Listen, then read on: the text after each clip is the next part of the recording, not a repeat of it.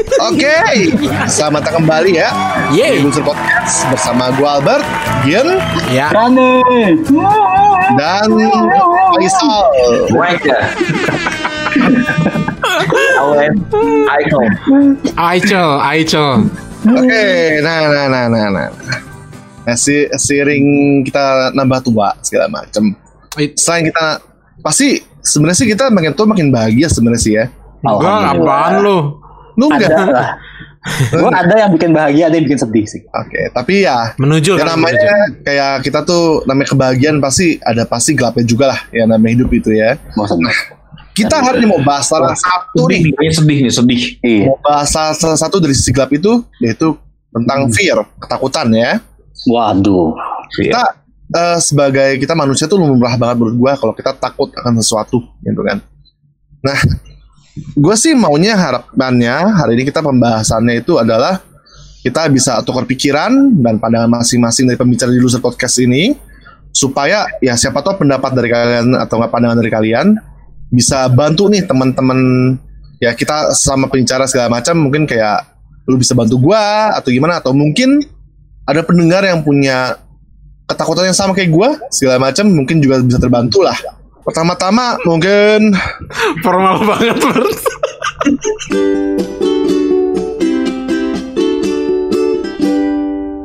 Gue kayak MC kawinan loh pertama. Mungkin lu dulu gitu. Pak dosen, Pak dosen. Saya mau ke WC, Pak. nggak boleh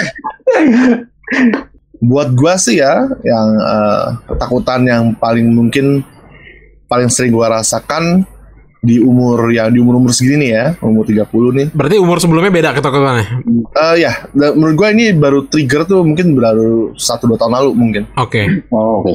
Nah, trigger jadi kayak gua itu takut banget soal mati dan kematian orang-orang dekat sama gua Gua nggak tahu. actually ini Gua nggak tahu. ketakutan ini nih kayak ke-trigger pas gua kayak ulang tahun di ul 31 tiba-tiba tuh kayak seminggu kemudian tuh kayak tiba-tiba kayak gua merasa cemas sendiri kan gua kayak Mas, nah. cemas jadi kayak malam-malam gitu ketika mau tidur kayak pikiran nih gitu kan Hmm.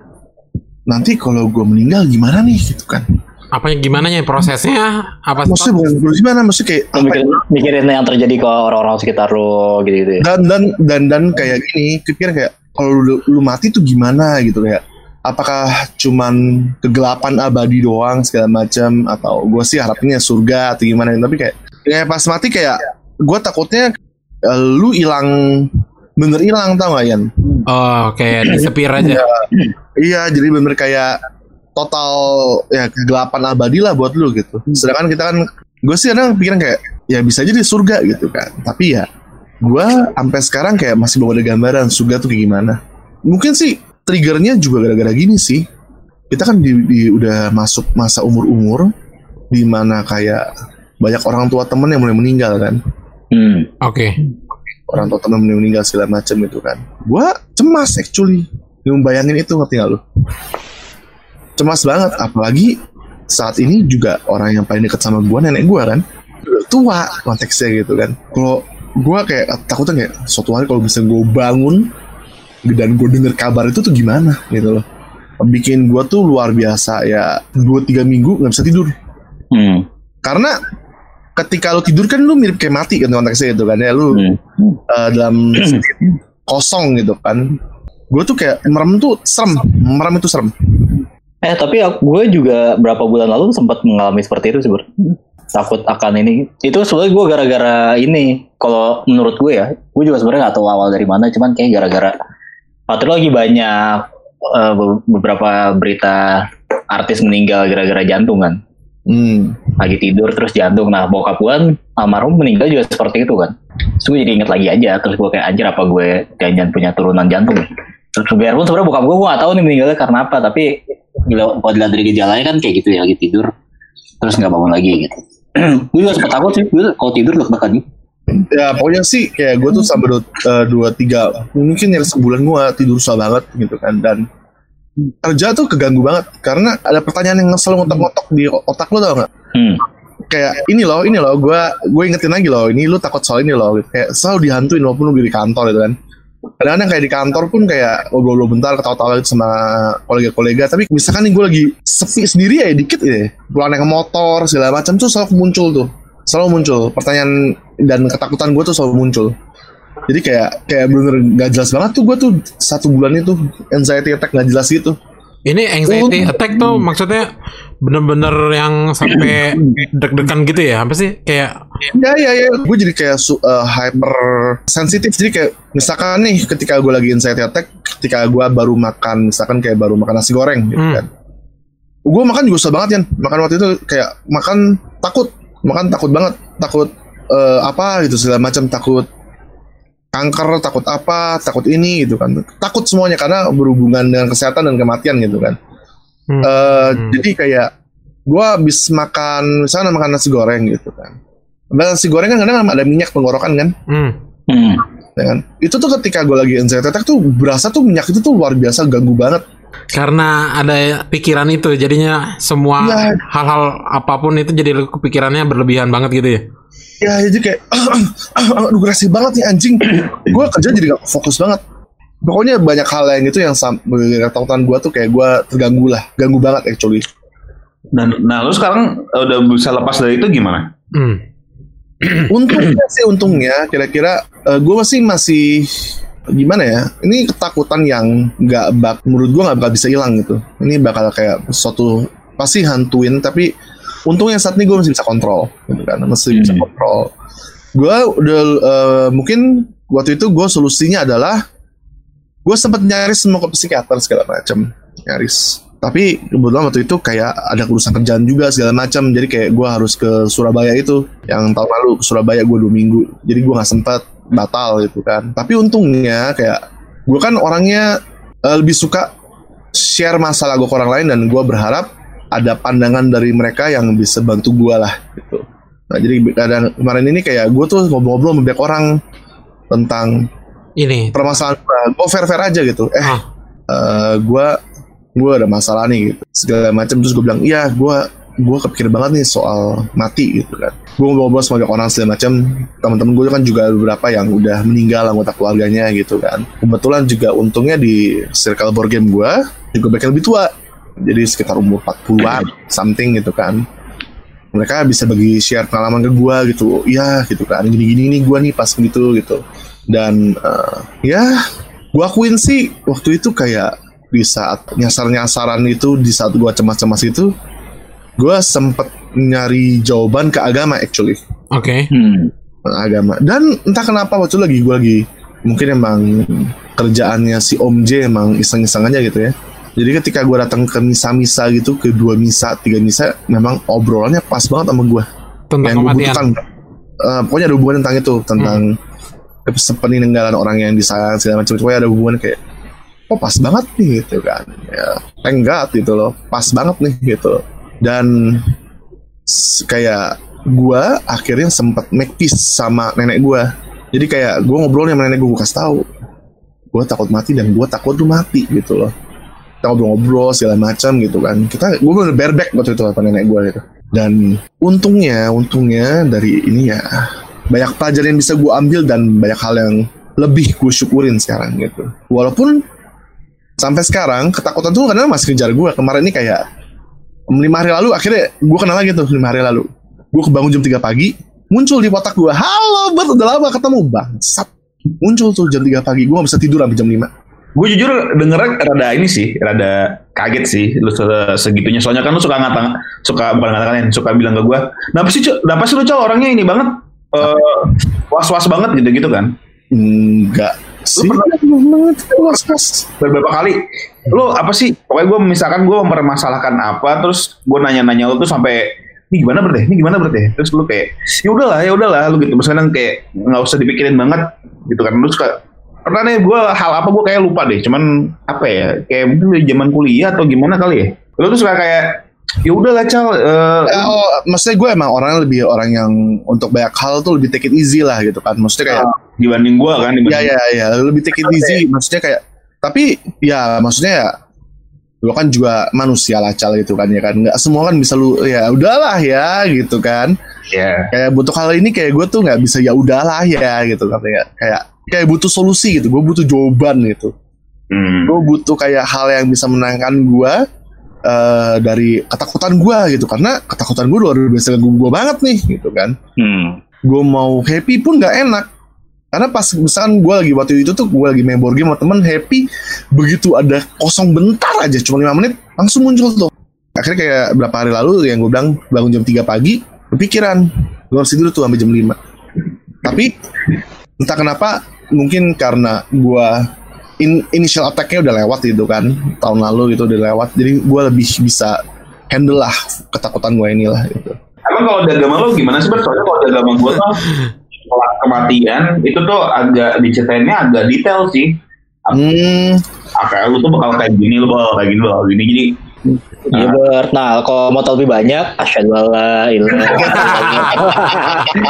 Asyhadu anna Muhammad Rasulullah. Ayo Bert, ayolah. Bert, ayolah. Waduh, tiba-tiba tiba-tiba mau live live gue ya, mau live live. ya, Langsung ya, di convert. Tapi iya. kalau kalau menurut lu Yen atau Randi dari permasalahan gue nih ada yang mesti bisa lu share nggak atau gimana gitu? Kalau gua ya, kalau gua kalau gua kan mirip-mirip sama, maksudnya kalau nggak begitu apa sih namanya taat banget kalau soal agama. Tapi yang gua rasain, misalkan gue jadi lu Bert, Ya ya. sesuatu yang nggak bisa kita sampai atau otak kita nggak nyampe, ikhlasin sih. Ya ya ya ya ya Lu- ya. ya. kayak su- eh, susah sih nyari jawabannya apa pun itu misalkan hal hal sepele sebenarnya nggak usah itu kan halnya berat ya tentang kematian lo berat semua orang pasti ke sana. Tapi kalau hal kecil misalkan kenapa sih tiba-tiba jalannya begini hidupnya gitu? Atau apa ada sesuatu kejadian yang gue pengen banget ke sini tapi nggak dapet dapet akhirnya ke sini. Yang sering kita alamin lah kan sekarang. Apa yang kita mau tapi kita nggak dapet. Biasanya sih itu langsung ya udahlah ikhlasin aja. Lu lepasin aja dari otak gitu. Tapi sekarang lu lu bilang kan selalu mengganggu terus lo kan nah itu itu agak gue belum pernah belum belum pernah sampai segitunya juga sih pernah sih sampai sampai ada yang kayak gitu sampai ngedrop maksudnya sampai ngedown banget gue tuh pernah tapi kayaknya sehari dua hari aja sih nggak nyampe sebulan terganggu Hmm. terus Iya. Tapi emang susah sih sebenarnya menghilangkan pikiran-pikiran yang mengganggu gitu. Maksudnya kalau gue disuruh memberikan saran, jujur gue nggak bisa karena cara orang menyelesaikan itu beda-beda kan. Ada yang ke psikiater, ada yang dengan apa? Mungkin dari psikiater pakai bantuan obat-obatan bisa atau ada yang macam-macam lah. Ada yang liburan, ada yang lari ke hobi segala macam gitu-gitu kan. Kan semua orang beda-beda sih. Cuman gue sih selalu percaya dengan hikmah ber. Dan gue tidak mau ngomong agama ya maksudnya agama personal lah gitu. Tapi gue selalu percaya dengan hikmah sih. Jadi Hikmah. kejadian apa pun yang menimpa diri lo nih, entah gimana, entah kapan, entah gim apa di mana atau ininya tuh pasti akan memberikan satu efek positif ke lo nya. Ah ya itu gue setuju. Kalau lo pada akhirnya berhasil melewatinya gitu loh. Ya. Kayak misalnya yang paling kelihatan deh sekarang di lo, misalnya lo bilang gara-gara ini lo jadi lebih dekat sama nenek lo kan?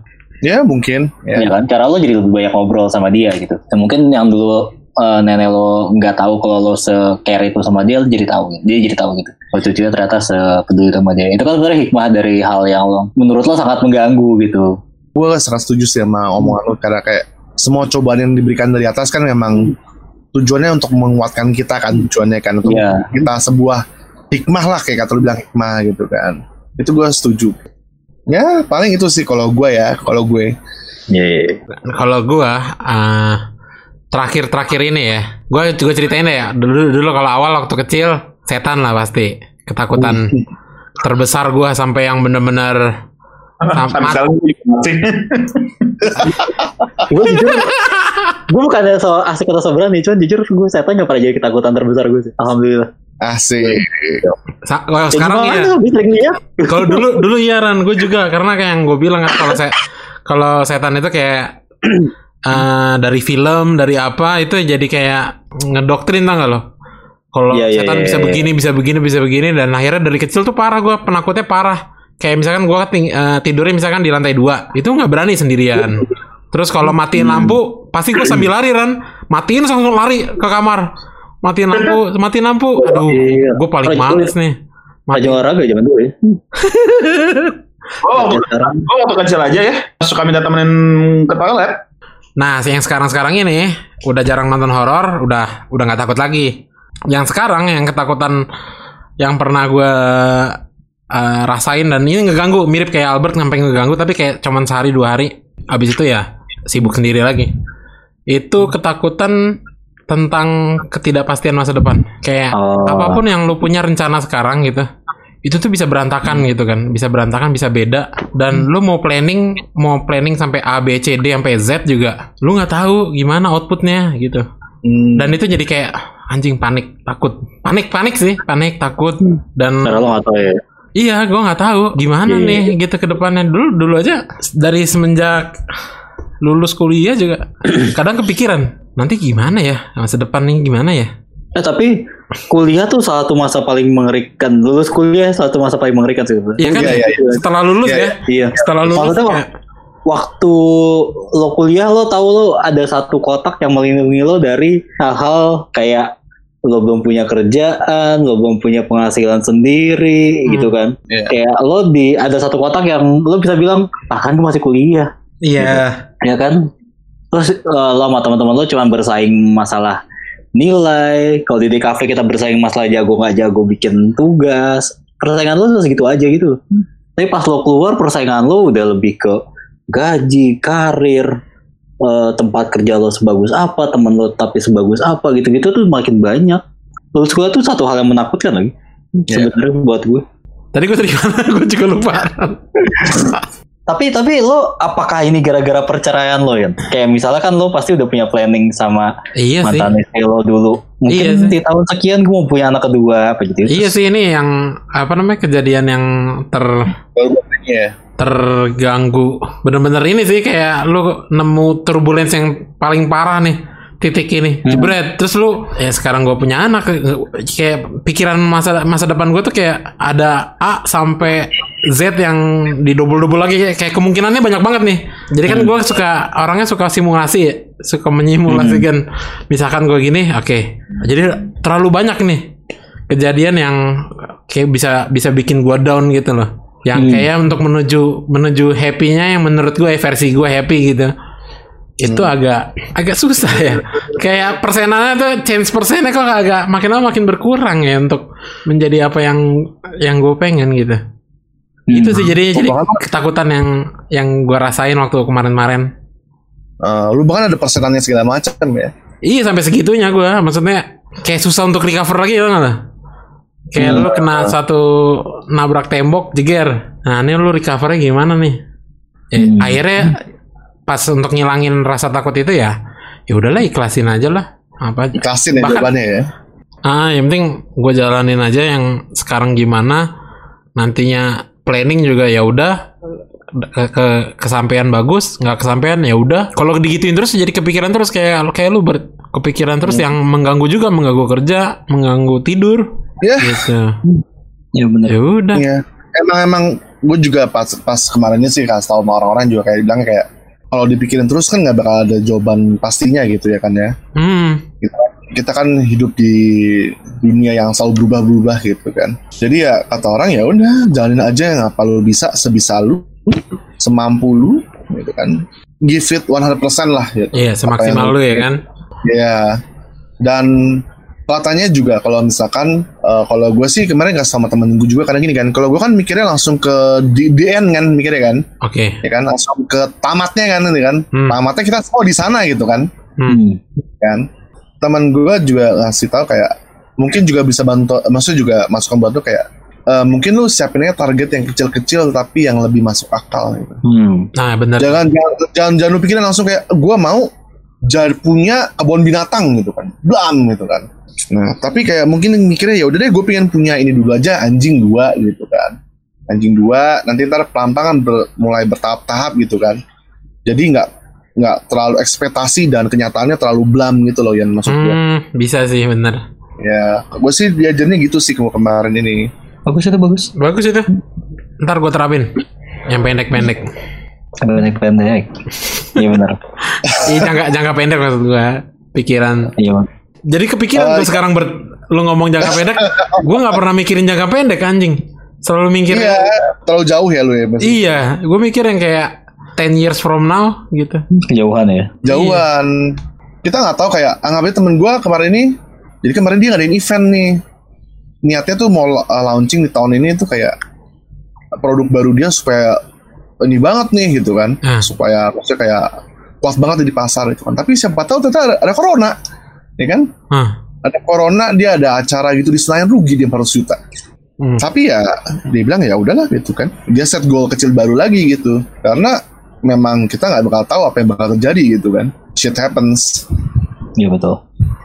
lumayan fleksibel lah konteksnya dibilang gitu fleksibel sama jangan goal lu kejauhan gitu Kecil kecil deket-deket Bagus itu bagus. Bagus bagus bagus. Kita sangat sangat serius ya. Hah? Yoi. Gue, gue duluan kacau. Iya. Gue kayak udah nemu nih. Gue sih soalnya dari dulu sih, tapi nggak nyampe bikin gue ini. Cuman kadang suka menghambat gue untuk gue kelihatannya jadi kayak jadi overthinking gitu. Gue Oke. takut banget ngecewain orang sih. Kayak terutama untuk orang-orang yang emang terdekat gue sama orang-orang yang sering membayar jasa gue gitu. Hmm. Sebenarnya ini positif negatif. Positifnya ya, ya mungkin gue jadi kalau di pekerjaan jadi lebih hati-hati, jadi lebih bekerja dengan ya gue memberikan yang terbaik lah di pekerjaan gue gitu ya. Hmm, hmm. Tapi negatifnya ada pikiran-pikiran yang sebenarnya nggak terlalu penting buat dipikirin jadi kepikiran buat gue gitu, terutama di social life sih.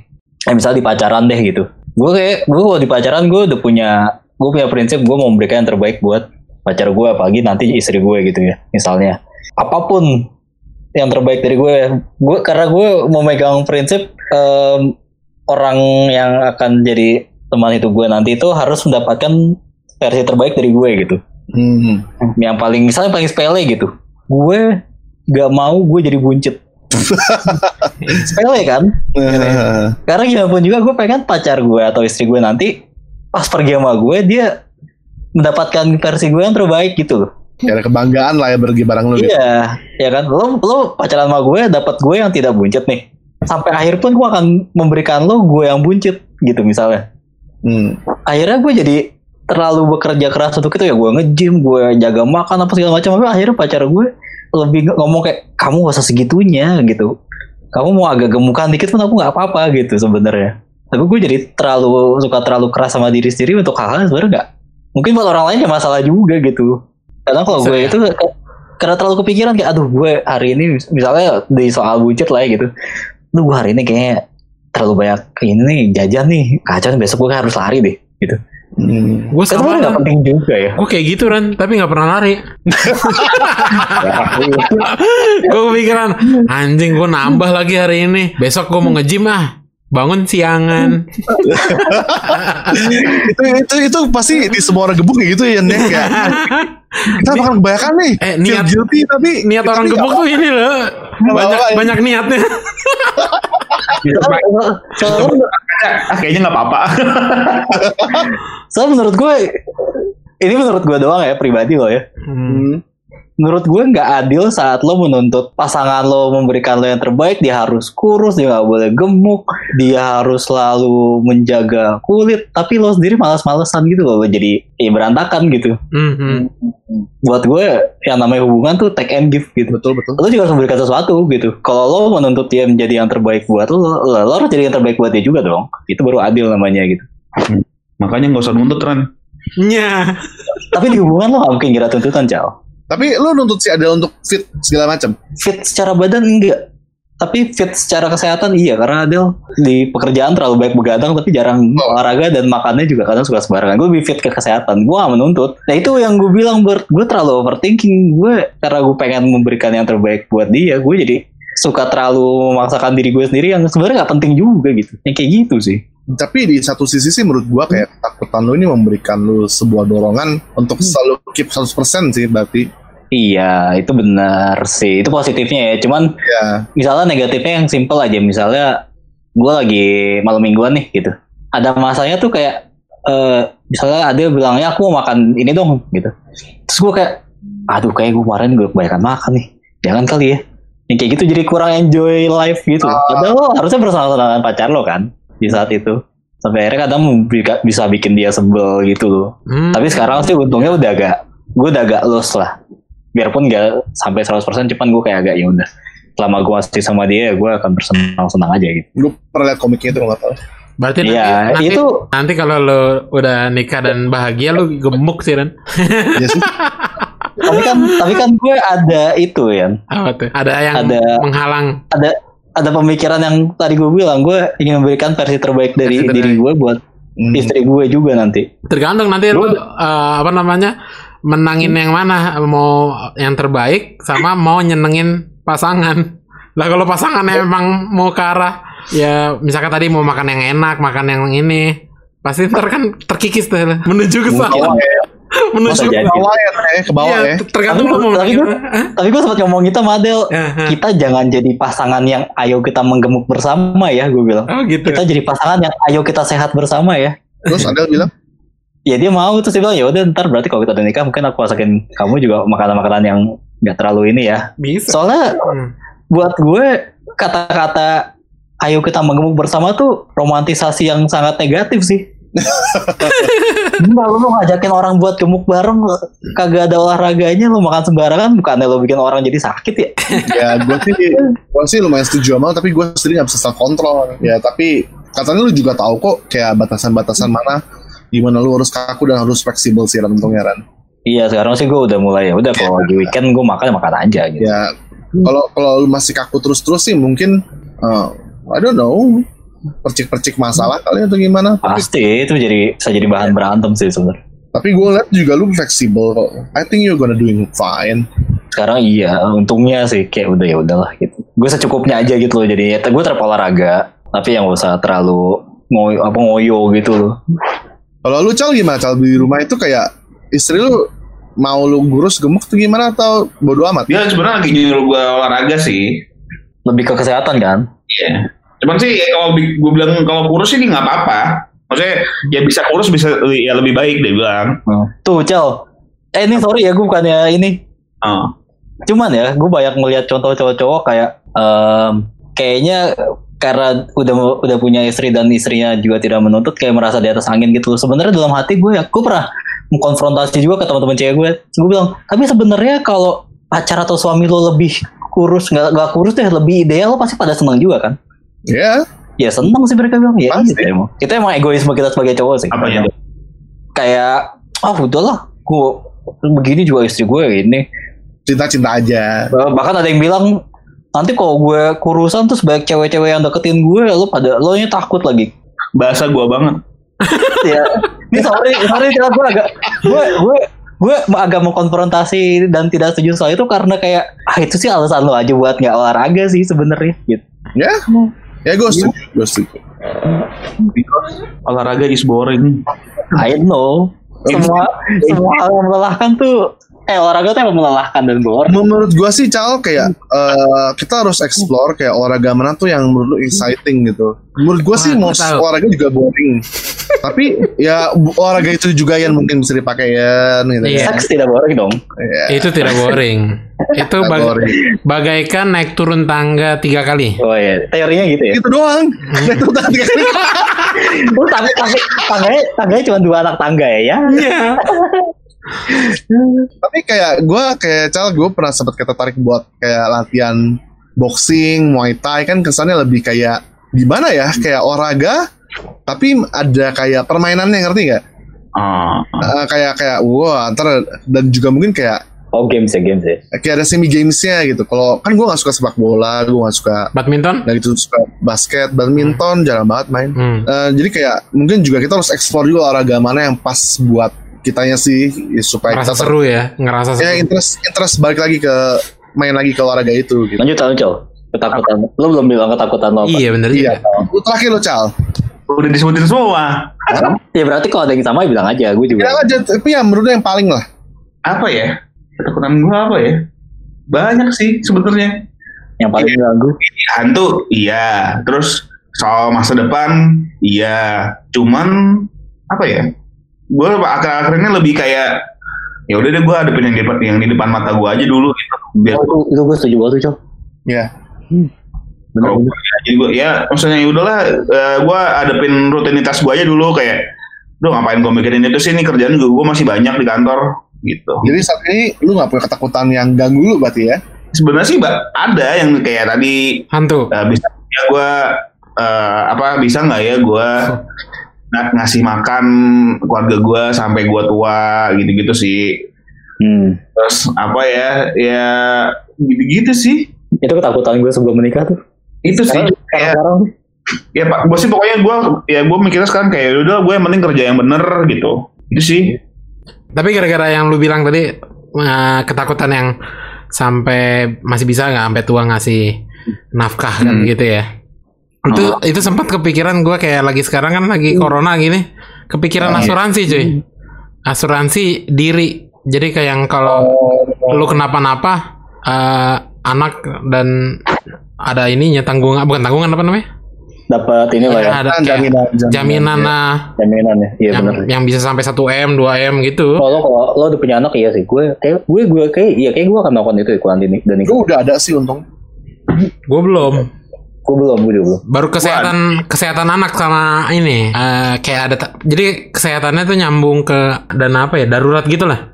Misalkan gua kenapa-napa nih, misalkan gua meninggal atau apa, itu dia nggak usah bayar lagi sampai umur 30 tahun apa anak gua. Hmm. Jadi Oh, akan akan a- apa asuransi itu akan aktif terus selama tigu- 30 tahun apa gimana gitu. Itu baru itu kan. Ya, jadi hal-hal yang kayak gitu bikin kita prepare dulu nggak sih ya? Jadi Ini kalau kita dapat iklan asuransi, bridgingnya bagus banget nih. iya. Banyak aja lah iklannya. Makanya. Makanya. Akhirnya gue memilih asuransi ABCD. Karena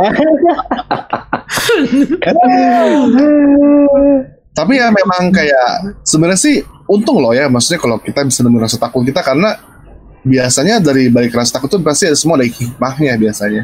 Nah itu Hmm. yang Rani bilang ya. Selalu ada kebaikannya. Iya. ada hikmahnya. Hikmah tuh in- in- ininya apa sih mengejabarin Indonesianya tuh hikmah kebaikan kan? Em, Enggak juga. sesuatu yang lo dapatkan aja sih. Walaupun Iya, baik atau buruk. Hikmah lebih ke positif sih. tapi Positif ini. kan ya? Iya berarti keba Aha. Iya iya kebaikan yang lo dapat setelahnya ya. Iya. ada bahasa gue lupa apa namanya pokoknya intinya eh good residu dari hal apa pun yang lo lakukan itu sebenarnya ada Ya. Ya untunglah.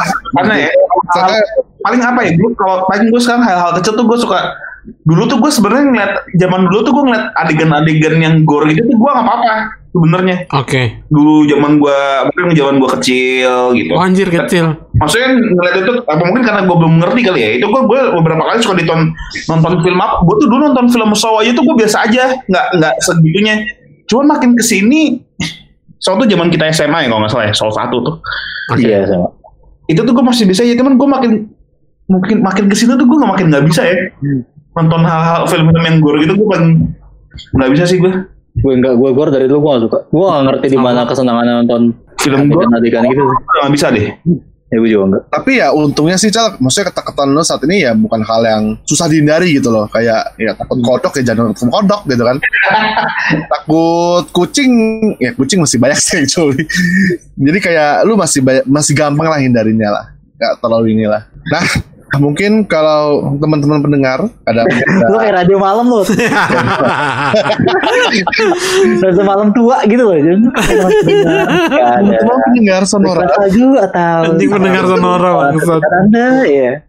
Silakan kirim ke telepon. ya. kalau mungkin teman-teman ini punya ada problem apa segala macam atau mungkin ketakutan sendiri yang berbeda dan mungkin mau nih dibahas sama tim loser podcast Hmm, bisa dikirim loh lewat DM di IG loser podcast apa Ran IG-nya Ran L O S R dot podcast P O D C A S T. Asik. Iya itu coy. ini sih ya Iya. Nanti kita ini aja, kita instastory gitu kalau emang ada yang ada ya. Kita Iya. coba kasih jawaban di sana. Oke. Jawaban, jago banget ki. Siap bang. Ya kan kita kan cuma membagi pendapat kita. Oke guys sekian dulu podcast kita hari ini. Assalamualaikum dan terima kasih. iya.